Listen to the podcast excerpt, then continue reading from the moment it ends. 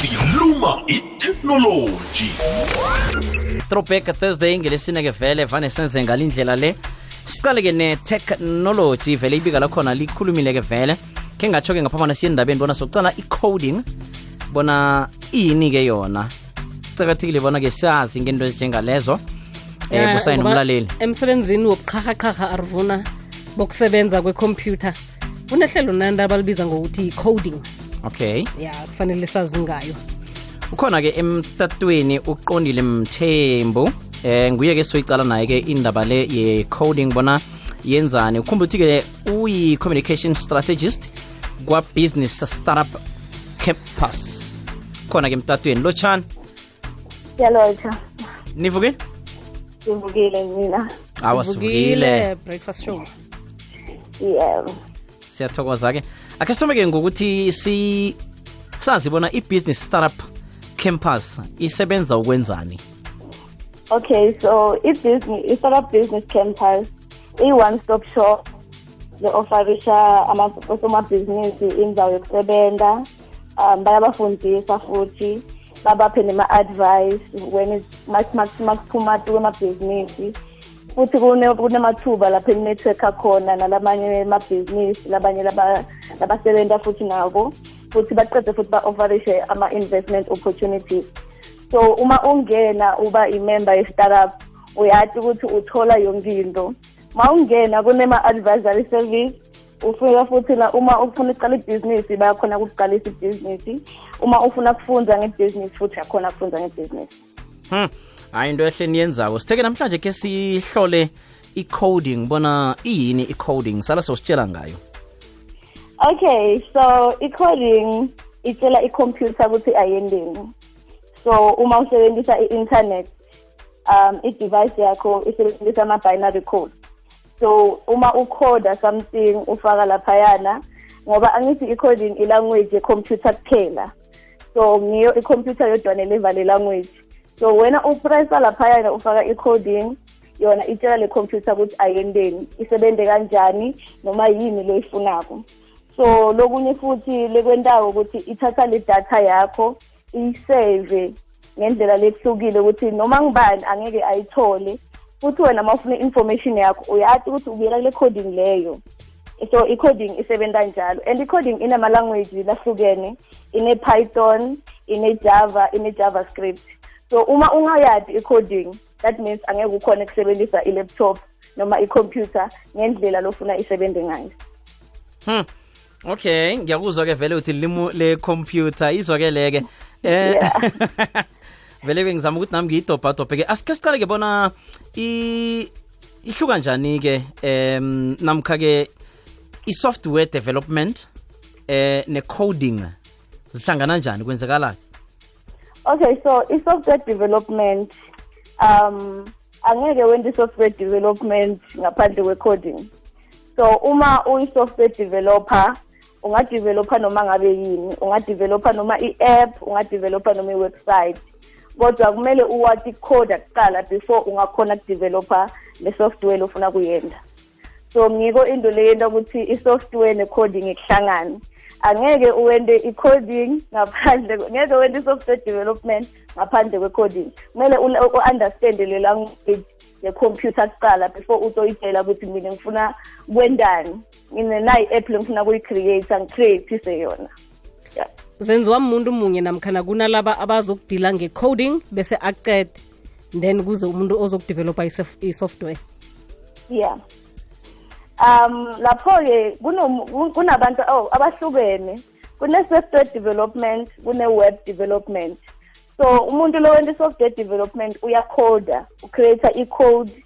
Ebese uma wena uwathi i-web development kuphela ungasebenzisa lo muntu lakwenzile or during i-coding ye-software ebese wena ungakhona create i-web development. Ungacreate noma ngiyiphi i-website. So but then uma ungayazi i-coding you cannot do i-software development. Kodwa ufuna kwenza i-web development awudingi ukuthi uwathi i-software awudingi ukuthi uwathi i-coding.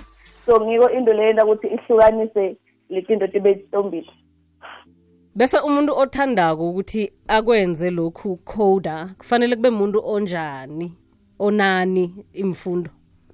Okay, so thina manje si-operate i-program sibita nge-Powerland project, sibita nge- nge-hashtag 1 million deaths for Africa.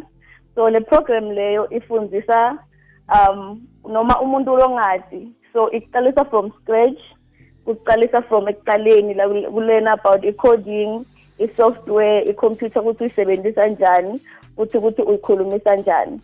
So thine usidila ngabantu labana 18 to 35 uh as discriminate abantu abadala basikolele kancane. Kodwa ke sisebenza ngalabantu labo. So what we do we have ama program wesinayo sibafundisa iPython le language leyo sibafundisa iJavaScript sibafundise iJava. And then from there bona bangakhona ukuthi basebenze ngecomputer bakhona futhi kucoda so after the program iqedile um bato bato bane 3 weeks uh where bazokhona khona kuthatha yonke lento abayifunzile and put it into practice. So sinama practical 3 weeks. And lento labatoyidevelopa in that 3 weeks lo project le labatoyidevelopa bangakhona kuyithatha bayise noma ngabe ngikuphi and say nangu umsebenzi lengiwendile um ngicela umsebenzi. Noma nangu umsebenzi lengiwendile ngidinga i-funding ukuthi ngiwuchubekise so into le-offerishako futhi la kule program yethu um they offer uh, entrepreneur skills what they do is while ngiqhubeka ngicoda bayanifundisa ukuthi ungaqala kanjani ibhizinisi yakho nge-coding ungaqala kanjani ibhizinisi yakho nge-software development.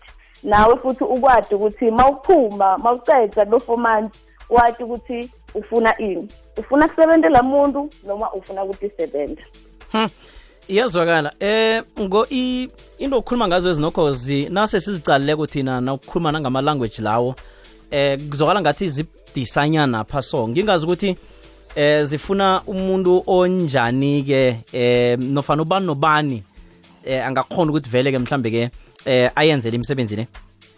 Okay this le program lena siyilethele noma ngibani lena ayidingi ukuthi wathi programming ayidingi ukuthi wende i-IT ayidingi idinga wena ukuthi utimisele uma utimisele and ufuna kuyenda ungayenda as long as una 18 to 35 ungakhona kuyenda ngoba bakuqalisa from ekuqaleni. Noma ude i-computer um uyakhona ukusitshela usadise ukuthi akunayo i-access to computer.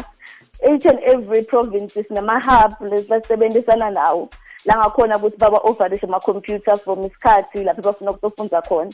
And futhi sinema-data lesitobaniketa ona ngoba i-program ya-online itoba fully online for four months. So sizobaniketa ama-data futhi ukuthi bakhona ukusebenza uma wena especially eh, la um siyabuswa sinevula ingqondo levula ingqondo digital lab lesebenzisana nayo.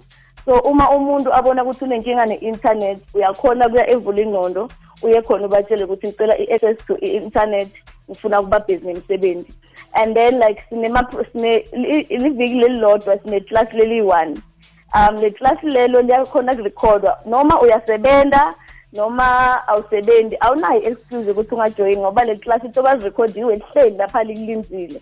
So wena uyakhona ke eklasini lakho noma esikhathini. And futhi kuba nema-mentor labantu oniniketa wona labantu abaniketa wona um bantu ba-allocatela a-group of five.